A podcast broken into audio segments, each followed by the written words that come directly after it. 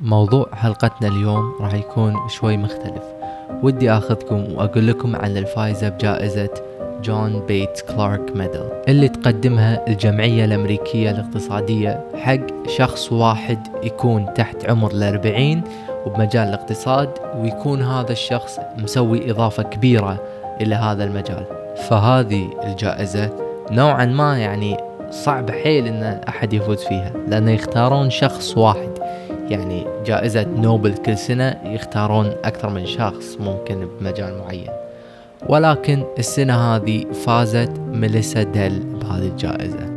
فموضوع حلقتنا اليوم راح يكون عن العمل اللي قدمته ميليسا ديل اللي حاليا تدرس بجامعة هارفارد بأمريكا. وعن طريق مسيرتها درست ودشت بوايد مواضيع مختلفة من علاقة الاقتصاد والجو لشبكات التهريب والعصابات اللي بالمكسيك إلى تأثير حرب فيتنام اللي خاضتها أمريكا آه، من زمان على الدولة وعلى فيتنام وعلى الاقتصاد. ولكن اليوم إن شاء الله راح نركز على بحث واحد على سؤال واحد على آه، البحث اللي فوزها بهذه الجائزة واللي غير مفاهيم وايد ناس بمجال الاقتصاد. وهذا البحث كان عن علاقة الفقر مع التاريخ وبالتحديد الدراسة هذه تركز على الأحداث والقرارات اللي اتخذتها الحكومة الأسبانية قبل 400 سنة. وشلون هذه القرارات ما زال لها تأثير اليوم.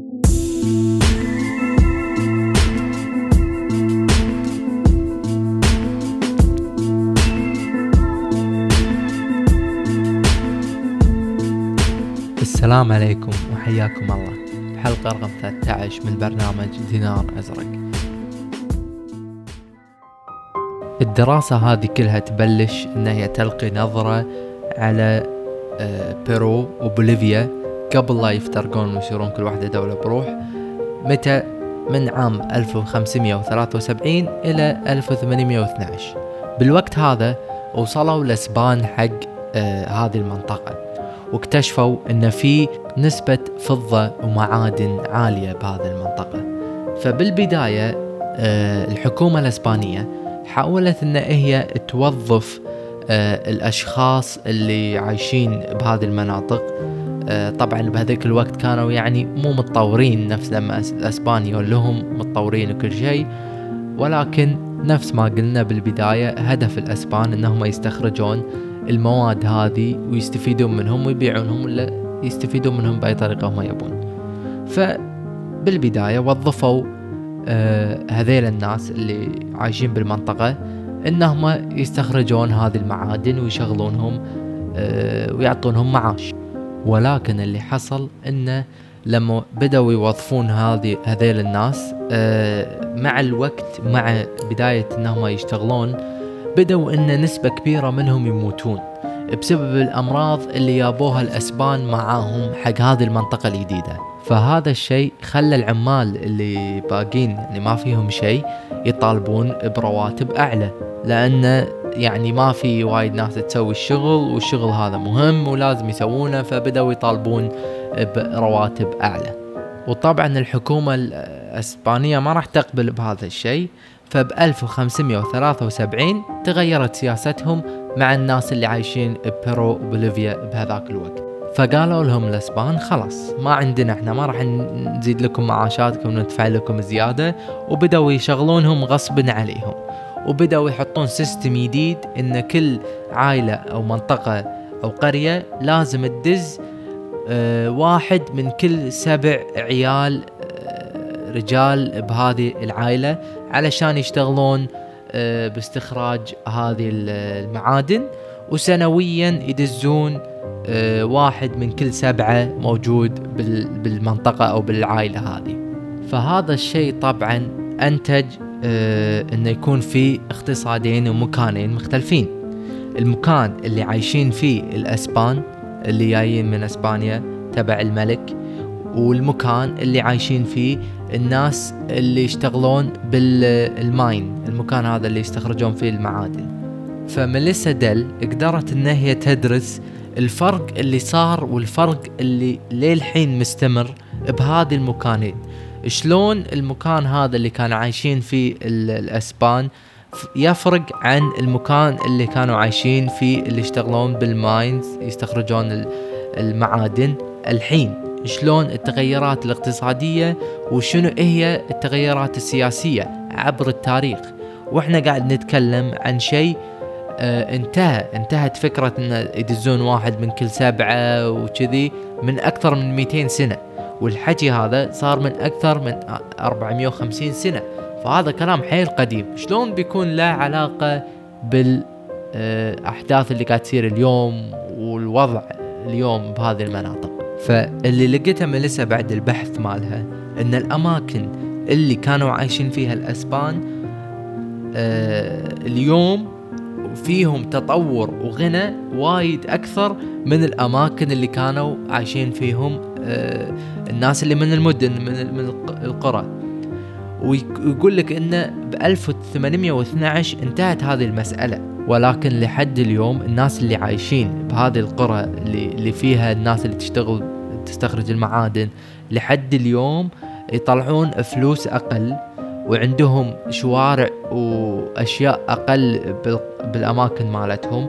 وحتى عيالهم فيهم يعني نسبة أعلى إن الولد اللي انولد بهذه المنطقة ما يعيش أو يصير في عنده مشاكل بالنمو وهو يكبر. فالسؤال الأهم هني هو إن شلون هذا ممكن يعني يكون الواقع؟ شلون أحداث من قبل 200 سنة ما زالت مأثرة على الوضع اللي قاعد يصير بهذه المناطق وما زالت الناس قاعد تعاني. ولكن طبعا بالجانب الثاني اللي لاحظته هي إن الأماكن اللي عايشين فيهم الأسبان كان فيهم يعني سلع عامة متوفرة أكثر. كان عندهم شوارع يعني بنوا الشوارع مع الوقت. عندهم حقوق ملكية وهذه النقطة يعني جدا مهمة. وآخر شيء عندهم تعليم. وطبعا لأن هم عندهم كل هذه الأشياء فمعناته عندهم ناس أكثر ممكن تضغط على الحكومة. يقدرون يروحون يقولون حق الشخص المسؤول إذا كان آه، ملك أسبانيا ولا أي أحد والله إحنا نحتاج واحد اثنين ثلاث. أما الناس اللي بالمدن الثانية الفقارة هذيلا ما عندهم هذه الأشياء ما يقدر يروح يطالب إنه والله إحنا ناقصنا واحد اثنين ثلاث. حتى لو هو ممكن ياخذ هذا الشيء اللي هو يبيه بس ما عنده البنية التحتية اللي توصله حق هذا الشيء. وضيف فوق هذا كله ان بالمناطق الثانية قاعد تصير في صراعات قاعد يصير مشاكل أهم أساسية إنه والله يمكن ما عندهم أكل ولا حتى إذا هم مزارعين هم أغلبهم كانوا مزارعين. بس عدم وجود الشارع اللي وصله للسوق شلون بيبيع؟ شلون بيطلع فلوس وبيستفيد؟ ما راح يقدر. لا اليوم ولا بعد خمسين سنة. فطبعا نتائج هذا البحث يبين لك أهمية السلع العامة مثل الطرق والمدارس والتعليم والأشياء هذه. اللي ممكن تساعدك علشان أنت تضبط أمورك على المدى الطويل عشان أنت تبني البنية التحتية اللي تأهل الناس أنهم يتطورون. إذا الناس ما عندهم هذه الأشياء ما راح تتطور وراح تقعد نفس مكانها. ولو بعد 100 200 سنة يمكن ما يقدرون يسوون شيء لأن ما في البنية التحتية. فيوضح لك أهمية الاستثمار بهذه الأشياء. يعني الناس يمكن ما تفكر فيها شلون اليوم لو تقط فلوسك على هذه الأشياء شلون بتفيدك بعد خمس سنين عشر سنين؟ مو بس على المدى القصير. وغير الأشياء اللي أنا ذكرتها حقوق الملكية من أهم الأشياء. لما الأسبان يدرون إذا شروا بيت البيت هذا راح يكون ملكهم وما راح يجي أحد يوم من الأيام يقول لهم والله هذا خلاص مو بيتك. ويصير هذا السيناريو قدروا إنهم يأمنون ويستثمرون بهذه الأشياء. أما بالجانب الثاني الناس اللي كانوا عايشين هناك يدرون إن في قوة فوقهم ممكن تأثر عليهم بأي لحظة. فعدم الاستقرار هذا والشعور هذا خلاهم ما يستثمرون. خايفين خايفين يقطون فلوسهم لأن ليش نقط فلوسنا وبعدين أحد ياخذه منا ولا شيء كذي؟ فيعني في حتى قصة شوي مضحكة عن الناس بهذاك الوقت. يقول لك انه كان في وايد مزارع هناك وعندهم آه خرفان وايد. فيعني يت فترة من فترات كان الطلب على القطن عالي. فكانوا بيبنون نفس قطار يوصل إلى هذه المناطق ويعني ممكن يفيدهم الحين. لو عندهم هذا الشيء الحين ممكن يكون يعني جدا لصالحهم. ولكن بهذاك الوقت شنو كان تفكيرهم؟ إنه بيبنون القطار آه، بطريقنا. فراح تصير قيمة المزارع مالتنا أعلى فراح يجي أحد ياخذهم منا والحك أو الحكومة أو شيء كذي راح يطالبون فيهم. فهم قاموا هم نفسهم الناس هذه الفقارة كل ما يبنون ال ال مال القطار هذا يروحون ويكسرونه. وهذا الشيء كان ممكن يكون أكثر شيء يفيدهم على المدى الطويل ويكون لصالحهم. ولكن لأن هم ما عندهم آه، أمن وما عندهم آه، يعني حقوق ملكية إنهم يثقون إنهم يثقون ويؤمنون آه، إن هذا الشيء راح يفيدهم على المدى الطويل خايفين. ما يبون إنهم يخاطرون وما يبون إنهم يتطورون لأن ما يبون أحد يتطورون ويصير لهم فائده ولهم قيمة وي أحد ويقول والله خلاص ياخذون ياخذون الشيء هذا منهم. فهذا كله طبعا يعني هم قاعد يوريك أهمية المؤسسات وشلون المؤسسات لها تأثير كبير أكثر من ما أن أنت تتوقع. ويعني ميليسا لما راحت تقابل آه، الناس اللي عايشين بهذه المناطق اليوم تسألهم أنتم شنو مشاكلكم وشنو الأشياء يعني اللي تمرون فيها؟ فيقولون إن إحنا نقدر مثلا نزرع آه، زيادة ولكن ما نقدر ناخذ اللي نزرعه حق السوق لأنه ماكو طريق يوصلنا حق السوق آه، يعني مناسب. فيعني هم بدون لا يدرون عن السالفة هذه كلها قاعد يقولون هذه الأشياء لأن هذه اللي قاعد يواجهونها بحياتهم اليومية. ولكن أنت لما تفهم التاريخ مال المنطقة هذه وتربط الأحداث مع بعض راح تشوف أن كلام هذا الشخص نفس كلام الناس اللي يمكن كانوا قبل بنفس المكان.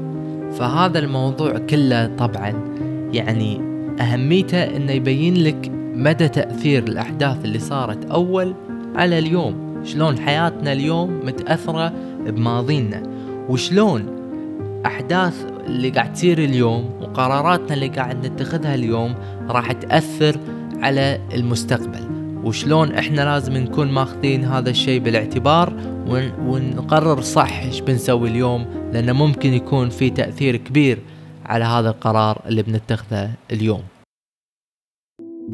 أتمنى لو عجبتكم هذه الحلقة تسوون subscribe ب Apple Podcast حق البودكاست هذا ويعني follow حق ال social media لو عندكم أي آراء ممكن تكلموني هناك.